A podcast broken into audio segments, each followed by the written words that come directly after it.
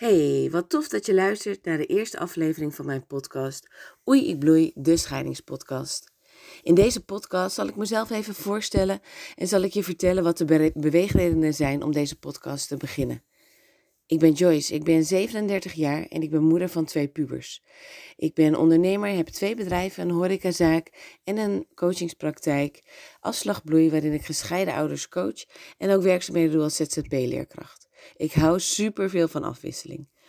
Ik ben altijd al heel erg geïnteresseerd geweest in relaties. Hoe komen mensen bij elkaar?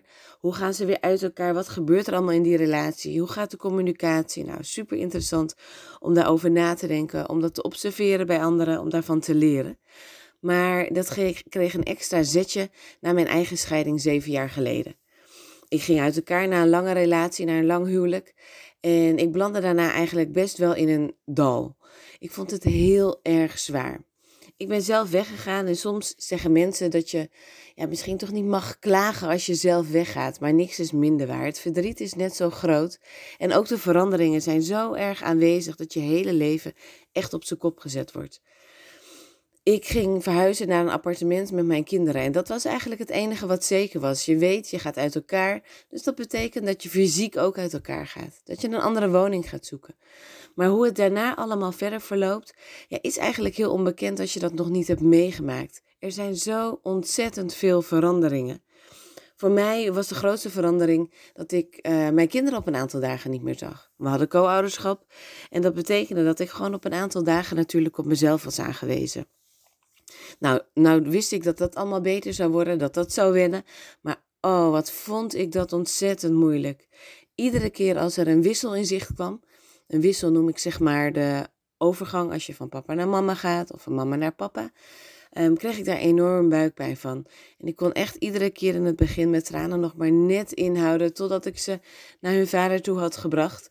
Om daarna vervolgens echt um, even los te gaan qua tranen. Om even de pijn te voelen en het verdriet van dat ik ze nu moest missen. En dat missen was natuurlijk inherent aan die keuze, maar dat deed enorm veel pijn. En dat was enorm wennen. Hoe blij ik ook was dat hun vader in hun leven was. Ik heb mezelf daarin heel veel tijd gegeven. Ik heb proberen te ontdekken wie ik nu eigenlijk ben. Ik merkte dat ik veel meer open werd. Ik kon mijn emoties veel beter aanschouwen. Ik voelde veel beter wat, wie ik was en wie ik wilde zijn. En vond het ook super interessant om te kijken naar alles wat er was gebeurd in mijn leven, wat mij gemaakt had tot wie ik nu was. Nou, daarnaast um, uh, is het natuurlijk beetje bij beetje veel beter gegaan. Het was een heel erg leerproces, een wendproces. Maar ik wist dat het beter werd. Ik zag altijd nog die zon schijnen. Ook al was het soms echt heel erg in de verte. En dat maakte gewoon dat ik wist, hoofdstuk 2 gaat weer fijn worden. Ik ga weer blij worden. Uh, maar geef het vooral tijd en dan komt het goed.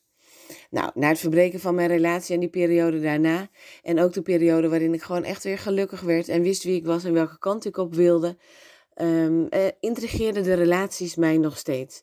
Maar het baarde mij ook zorgen. En wat mij met name zorgen baarde, was de vechtscheidingen die je toch wel ziet toenemen hier en daar. Ik zag het ongeluk van de kinderen, ik zag de verdriet, de pijn.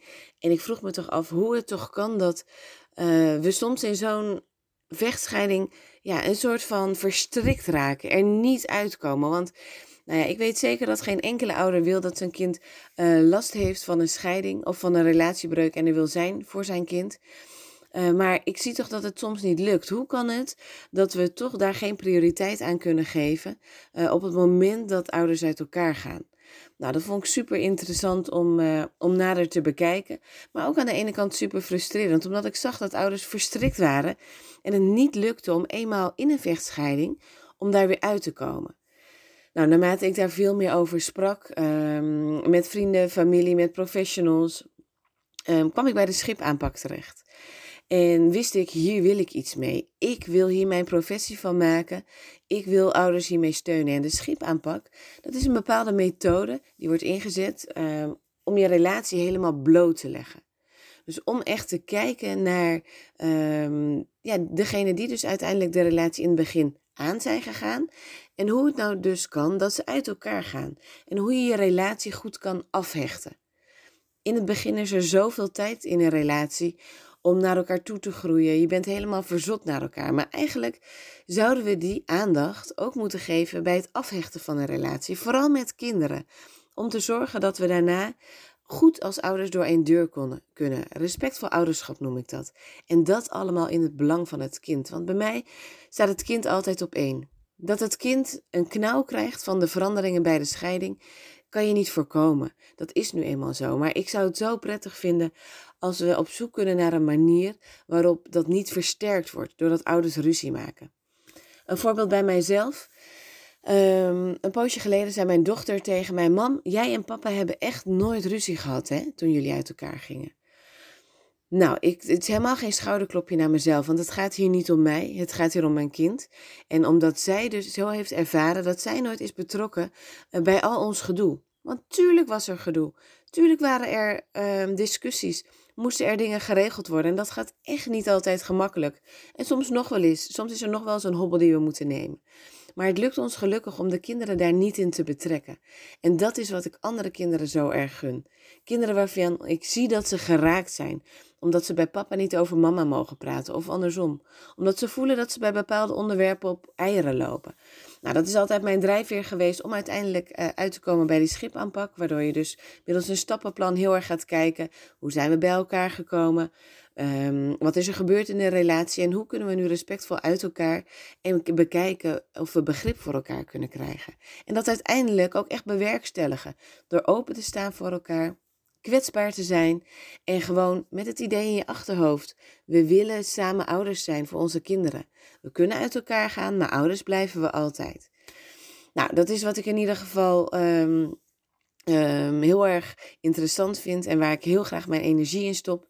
En daarom wilde ik deze podcast beginnen. Er zijn ontzettend veel scheidingen, maar er is weinig luistermateriaal wat daarover gaat. Dus daarom wilde ik deze podcast beginnen. Ik luister enorm veel naar podcasts zelfs, maar was op zoek naar een podcast waarin scheidende ouders of mensen die gescheiden zijn of mensen die in een relatie zitten en ook hun communicatie willen verbeteren, um, kunnen horen: je bent niet alleen. Er zijn zoveel mensen die in een scheiding zitten die dit ervaren. En het is mijn bedoeling om jou het vertrouwen te geven dat het weer beter wordt. Er is die stip aan de horizon waar je naartoe gaat. Er zullen vele dallen, vele pieken zijn. Maar heb vertrouwen dat het weer beter wordt.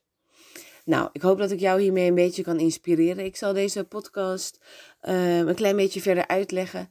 Ik uh, zal allerlei onderwerpen aangaan: communicatie, wissels, uh, zakelijke dingen als alimentatie, selfcare. Nou, er zijn zoveel dingen die belangrijk zijn om gewoon fijn in het leven te staan. En dat is ook over het algemeen, maar helemaal als je een scheiding hebt meegemaakt. Daarbij zal ik ehm, jezelf proberen uh, een kijkje te geven in mijn leven, een kijkje te geven in de dingen die ik meemaak, die ik zie bij anderen, maar ook zeker praten met andere ervaringsdeskundigen en professionals. Wat maken zij mee? Hoe uh, is hun ervaring en wat kunnen we daarvan leren? Nou, ik wil je echt enorm bedanken voor het luisteren naar deze eerste podcast. Ik hoop dat je nu een kijkje hebt gekregen in mijn leven, in wie ik ben, en dat je zin hebt om te luisteren naar de volgende aflevering.